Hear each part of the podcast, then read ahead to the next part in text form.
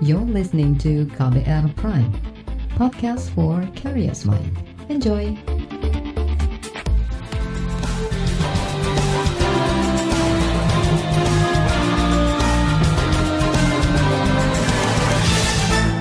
Saudara inilah KBR sore hari ini Rabu 19 Mei 2021. Saya Reski Mesanto kembali hadir sore hari ini dan seperti biasa selama kurang lebih 30 menit ke depan saya akan menjadi teman Anda di sore hari ini dan saya mau ajak Anda untuk membahas tentang pelaksanaan vaksinasi gotong royong yang sudah mulai jalan pekan ini.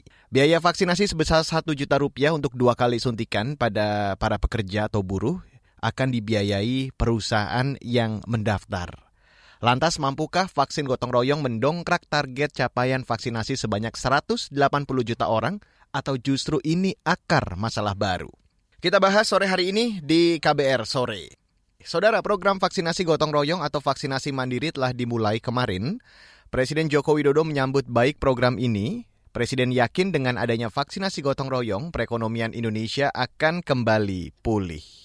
Tentunya kita merujuk kepada apa yang ada di dalam bantuan Kemenkes itu ya bahwa memang perhitungan itu sudah uh, dilakukan tentunya ada usulan ya tentang uh, berapa harga pembelian ya kemudian juga kalau kita lihat selain usulan harga pembelian mempertimbangkan uh, hal-hal lain yang tentunya terkait apa saja yang termasuk komponen perhitungan dan itu sebenarnya uh, dalam menyusun yang uh, kita sebut sebagai harga perkiraan itu sudah dilakukan ya dan memperhitungkan ya hal-hal lainnya. Namun banyak saudara pengusaha yang mengeluhkan biaya vaksinasi mandiri yang masih dianggap mahal. Tarif sekali suntik per orang bisa mencapai lebih 800 ribu rupiah. Menanggapi hal itu, juru bicara vaksinasi COVID-19 dari Kementerian Kesehatan Siti Nadia Tarmizi mengatakan, penentuan tarif untuk vaksinasi gotong royong sudah melalui tahap penghitungan matang. Proses penentuan tarif juga sudah melibatkan Badan Pengawasan Keuangan dan Pembangunan atau BPKP, serta sejumlah lembaga negara lain. Berikut pernyataan juru bicara vaksinasi COVID-19 dari Kementerian Kesehatan Siti Nadia Tarmizi saat dihubungi KBR. Pada apa yang ada di dalam tuan Kemenkes itu ya, bahwa memang perhitungan itu sudah uh, dilakukan tentunya ada usulan ya tentang uh, berapa harga pembelian ya. Kemudian juga kalau kita lihat selain usulan harga pembelian mempertimbangkan uh, hal-hal lain yang tentunya terkait apa saja yang termasuk komponen perhitungan dan itu sebenarnya uh, dalam menyusun yang uh, kita sebut sebagai harga perkiraan itu sudah dilakukan ya dan memperhitungkan ya hal-hal lainnya termasuk misalnya keuntungan, biaya distribusi ya, tapi tentunya tidak termasuk PPN-nya ya. Kemudian uh, jadi sudah dihitung kalau itu untuk komponen harga vaksinnya. Kalau untuk komponen tarif pelayanan tentunya juga sudah termasuk ini kan perhitungan pelayanan vaksinasi gotong royong itu termasuk juga marginnya 15 persen, tapi juga tidak uh, termasuk PPh-nya ya. Jadi ini sudah dihitung sih sebenarnya dan ini sudah dikonsultasikan juga kepada berbagai pihak ya. Kita melihat pandangan maupun pendampingan baik itu dari Kemenko Marves, Kemenko uh, Perekonomian sendiri, kemudian LKPP ya serta uh, BPKP ya, serta juga tentunya pihak-pihak uh, lain yang terkait. Nadia menyadari ada sejumlah kalangan yang menilai tarif vaksinasi gotong royong terlalu berat, namun ia mengingatkan program ini merupakan inisiatif dari kalangan pengusaha. Jika merasa tak mampu, ia menyarankan pengusaha tak usah memaksakan. Uh, sebenarnya kembali kami mau mengingatkan ya bahwa vaksinasi gotong royong ini kan adalah inisiatif dari pengusaha mau menolong pemerintah dan kembali lagi ini bukan suatu kewajiban ya dan kita tahu bahwa Presiden sudah menetapkan bahwa vaksinasi COVID-19 ini kan bisa diberikan uh, secara diberikan secara gratis untuk seluruh masyarakat ya. Jadi ini adalah opsi sebenarnya. Jadi bukan suatu kewajiban. Kalau memang sebuah perusahaan merasa bahwa harga yang sudah ditetapkan itu terlalu uh, berat, tentunya masih ada haknya pada vaksinasi program pemerintah. Menurut Nadia, pemerintah tidak mungkin memberi subsidi untuk tarif vaksinasi gotong royong tanggung jawab pemerintah adalah vaksinasi gratis yang diberikan kepada seluruh masyarakat karena uh, artinya kan ini kembali lagi saya sampaikan bahwa ini inisiatif dari pengusaha sendiri untuk membantu pemerintah dan dengan adanya vaksinasi gotong royong ini diperkirakan akan meningkatkan pertumbuhan ekonomi ya kan? ya. seperti itu. Nah, jadi uh, ya tentunya kalau ini inisiatif dari kalangan pengusaha ya menjadi tanggung jawab bersama ya dan tanggung jawab pemerintah adalah kita sudah menyatakan bahwa vaksinasi akan diberikan secara gratis kepada seluruh sasaran. Juru bicara vaksinasi dari Kementerian Kesehatan Nadia Tarmizi belum bisa memastikan apakah akan ada pengkajian ulang mengenai tarif vaksinasi gotong royong ini. Namun ia memastikan Kementerian Kesehatan tetap membuka diri jika ada masukan atau pandangan dari kalangan pengusaha. Saudara, selanjutnya akan kami hadirkan laporan khas KBR mengenai partisipasi perusahaan diragukan karena vaksin gotong royong mahal. Informasi selengkapnya tetaplah di KBR sore. You're listening to KBR Pride, podcast for curious mind. Enjoy!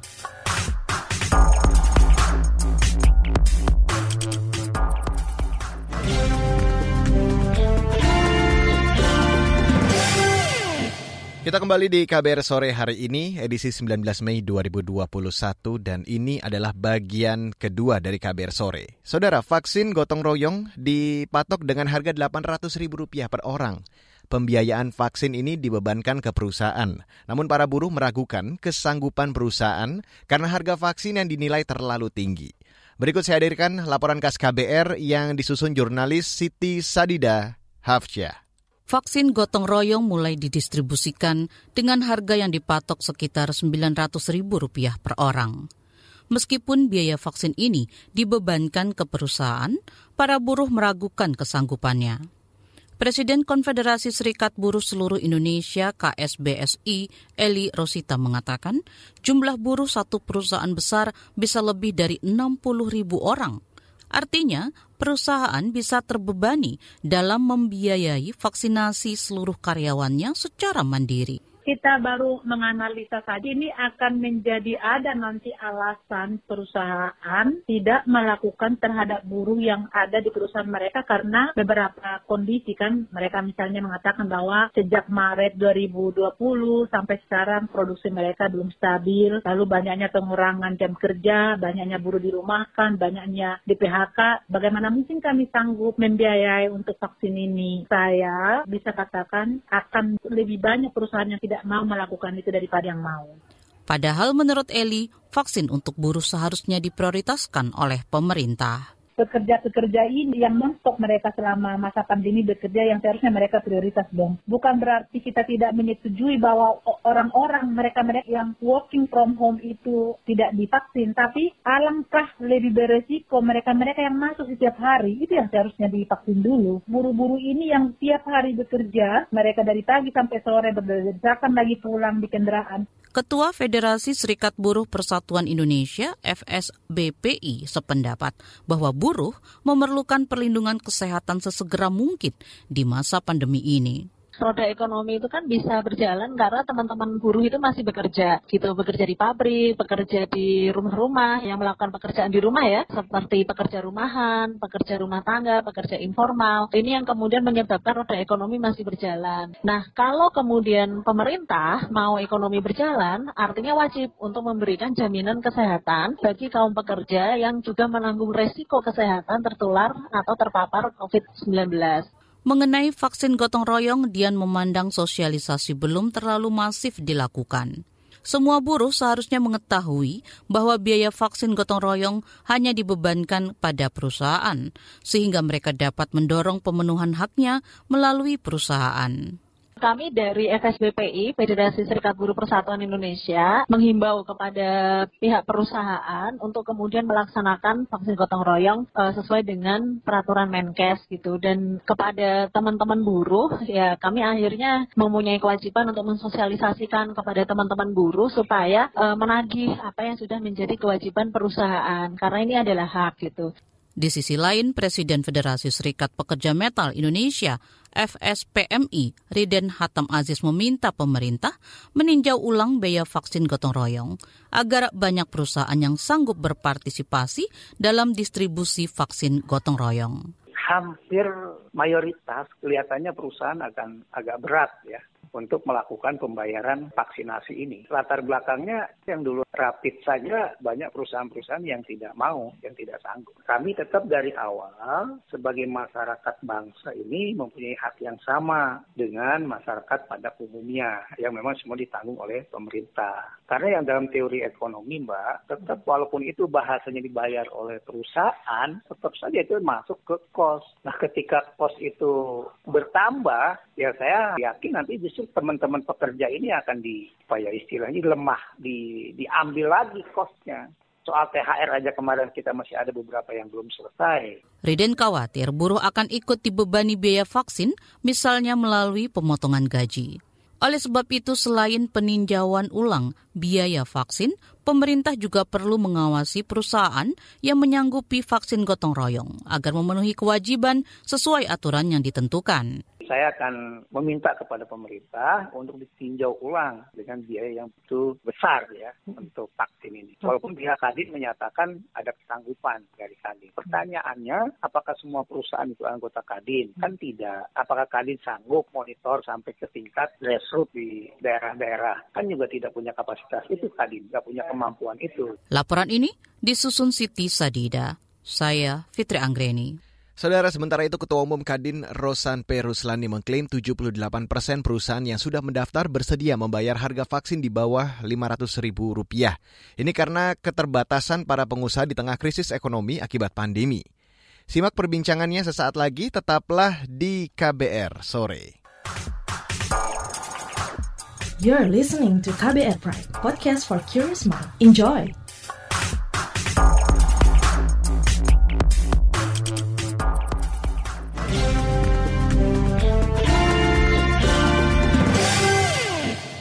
Terima kasih Anda masih bergabung di KBR sore hari ini. Saudara Kamar Dagang dan Industri atau Kadin memastikan harga vaksin mandiri yang kini disebut vaksin gotong royong telah disesuaikan dengan kemampuan dunia usaha. Ketua Umum Kadin Rosan P. Ruslani mengatakan, 78 persen pengusaha bersedia membayar vaksin dengan kisaran harga di bawah Rp500.000 per dosis. Rosan mengklaim sudah ada sekitar 20 ribuan perusahaan termasuk 7 ribuan di antaranya merupakan usaha mikro kecil dan menengah atau non-anggota Kadin. Kadin menargetkan program vaksinasi mandiri bisa menyasar 10 juta orang pekerja. Berikut pernyataan resmi Ketua Umum Kadin, Rosan P. Ruslani yang disiarkan oleh media sosial Kadin Indonesia hari ini. Inisiatif sebetulnya ini dari Bapak Presiden. Waktu itu eh, kami di Kadin hanya melakukan implementasinya saja. Ini Januari beliau yang ingin mempercepat uh, herd immunity dan berbicara berdiskusi dengan saya waktu itu dan alhamdulillah ini disambut baik oleh dunia usaha karena kalau boleh saya sampaikan di sini yang melakukan registrasi atau pendaftaran di Kadin itu sudah di 22.736 eh 22.736 perusahaan dan sudah menyentuh 10 juta orang. Dan kita melihat memang kelihatannya animonya ini akan makin meningkat. Ketua Umum Kadin Rosan Ruslani menambahkan, Kadin dan pemerintah juga telah memetakan daerah-daerah prioritas vaksinasi gotong royong, semisal industri di kawasan Jababeka kita melakukan penyuntikan vaksinasi gotong royong pertama yang dihadir langsung oleh Bapak Presiden yang kita ketahui bersama di Unilever apa di Jababeka di kawasan industri Jababeka memang yang difokuskan untuk pertama adalah di kawasan Jabodetabek zona merah dan industri manufaktur. Nanti industri ilustrasinya segera datang apa segera kita lakukan begitu vaksin ini insya Allah seperti disampaikan oleh Pak Menteri BUMN segera ada dan kita bisa melakukan vaksinasinya.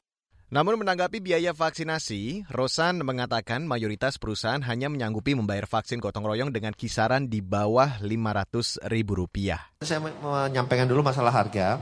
Jadi pada waktu kita melakukan uh, registrasi, kita tuh sebetulnya melakukan survei juga terlebih dahulu kepada seluruh perusahaan-perusahaan anggota Kadin dan non anggota Kadin. Justru yang lebih banyak adalah non anggota Kadin. Dari survei itu, saya masih ingat selam, untuk satu dosis di bawah 500 ribu, 78 persen ada dalam range itu. 78 persen. Kemudian yang sanggup untuk satu dosis adalah satu juta, kemudian sampai satu setengah juta. Jadi range ini adalah sesuai dengan kemampuan dan survei yang kita lakukan. Jadi 78 persen mengatakan sanggup dari semua ini. Jadi uh, itu pun yang sebetulnya kita sampaikan. Saya ingat waktu itu dikumpulkan juga kita oleh Pak Menteri BUMN untuk seluruh uh, perusahaan, uh, Fasiankes, rumah sakit untuk memberikan masukan berapa masukannya untuk supaya nanti ditetapkan atas masukan dari Bio Farma juga dan kami kepada Kemenkes agar harga ini jangan sampai harga dimasukkan ternyata pengusahanya mundur. Wah nggak sanggup. Tapi ini tidak, karena memang sudah kita lakukan survei terlebih dahulu. Rosan menegaskan tidak ada paksaan bagi perusahaan untuk bergabung dalam program vaksinasi gotong royong, sebab ada opsi lain yakni program vaksinasi nasional yang bebas biaya. Filosofinya tetap adalah vaksin gratis. Kenapa? Karena end usernya atau yang mendapatkan penyuntikannya harus gratis. Jadi perusahaan membeli dan diberikan secara gratis dan tanpa komersialisasi itu adalah permintaan pemerintah yang kita sanggupi. Jadi pertama itu tidak ada komersialisasi, jadi nggak boleh nih pengusaha nanti potong gaji atau potong te, apa THR buat bayar ininya nggak boleh nih buat bayar uh, vaksinasinya. Dan saya pastikan insya Allah itu berjalan dengan baik. Kemudian tadi sudah disampaikan oleh Pak Menteri Pak Erik bahwa Ya ini kan sifatnya opsional, opsi. Jadi tidak ada paksaan untuk perusahaan maupun usaha berbadan hukum lainnya untuk ikut program ini. Ini tidak ada paksaan. Mereka punya opsi ini. Kalau mau ikut yang gratis, silahkan. Mau ikut meringankan beban pemerintah, silahkan. Karena kenapa? Kita kan vaksin ini bukan hanya sekali. Kita akan vaksinnya mungkin tiap tahun, bisa setiap tahun vaksin nih. Nah, tadi seperti disampaikan oleh Pak Erik, ya kita selama dunia usaha mempunyai kemampuan, masa sih kita mau bebankan ini semua ke pemerintah 77 triliunnya? Saudara, itu tadi Rosan P. Ruslani, Ketua Umum Kadin. Sementara itu pengamat kebijakan publik menilai tarif yang ditetapkan pemerintah terlalu tinggi untuk perusahaan, apalagi kondisi pandemi membuat sebagian besar unit usaha terpuruk. Simak informasi selengkapnya sesaat lagi, tetaplah di KBR sore. You're listening to KBR Pride, podcast for curious mind. Enjoy!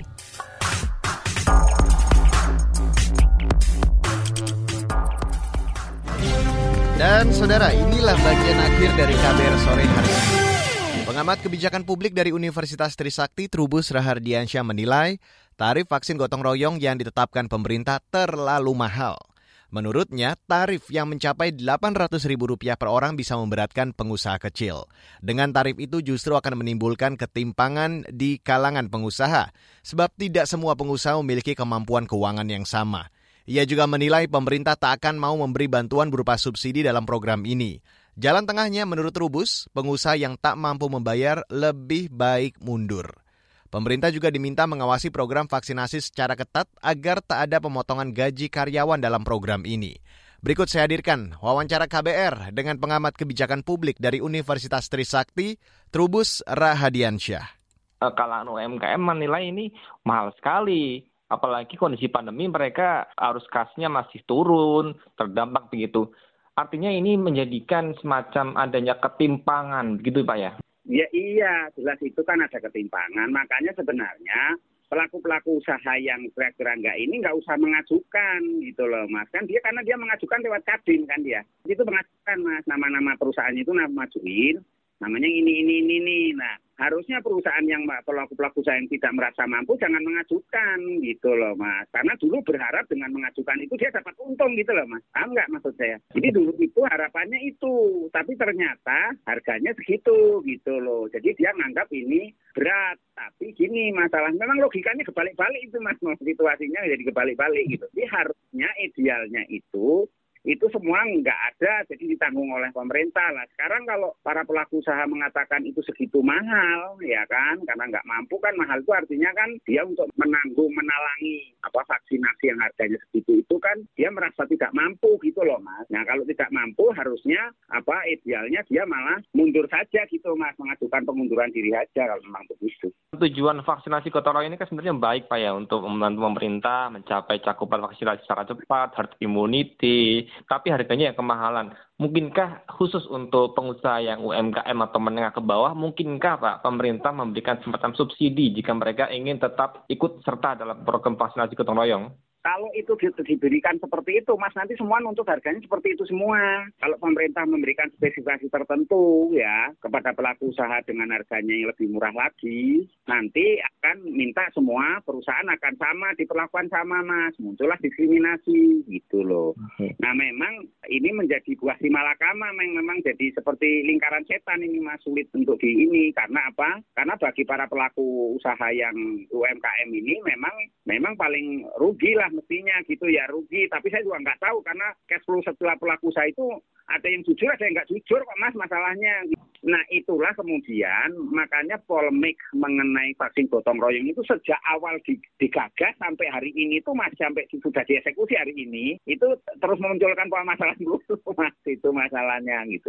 Bisa saja pemerintah membuat harga baru misalnya, tapi itu nggak akan mungkin dilakukan mas. Kalau harga baru dilakukan nanti yang lain untuk semuanya mas. Kalau mau ini pemerintah ambil alih semuanya ditiadakan aja yang vaksin gotong royong itu supaya nggak ada iri-irian transisi cemburu sosial mas, Oke. kecemburuan gitu. Karena itu harga itu memang ya menjadi polemik juga. Banyak kok pengusaha mengatakan itu murah harga segitu gitu loh. Sudah karena pada saat rapat penentuan tarif itu kan mereka dilibatkan mas. Jadi pemerintah nggak sendirian kok memutuskan itunya gitu. Setahu saya nggak memutus sendiri mas, harga itu, tarifnya itu. Lalu jalan tengah yang menurut Pak Trubus oke paling ideal, paling memungkinkan dan bisa terus melanjutkan program ini apa Pak?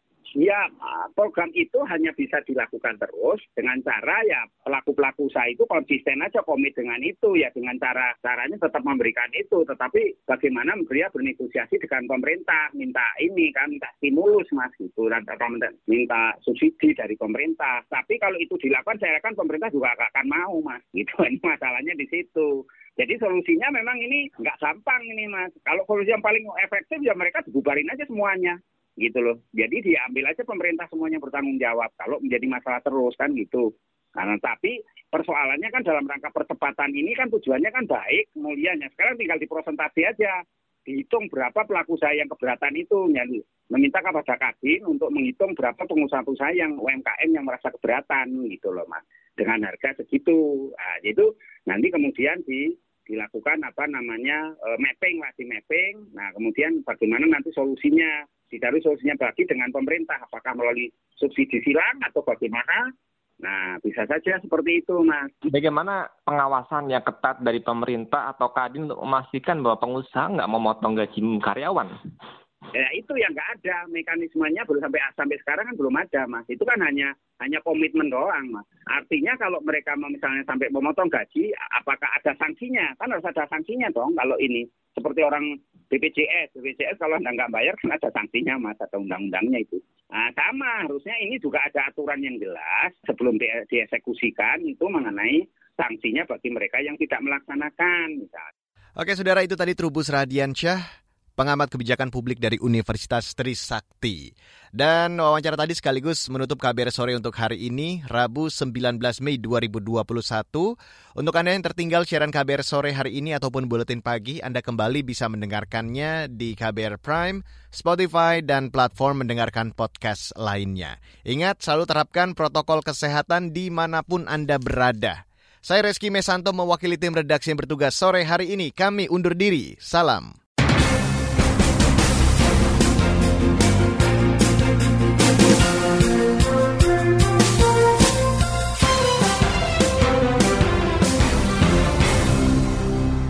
KBR Prime, cara asik mendengar berita. KBR Prime, podcast for curious mind.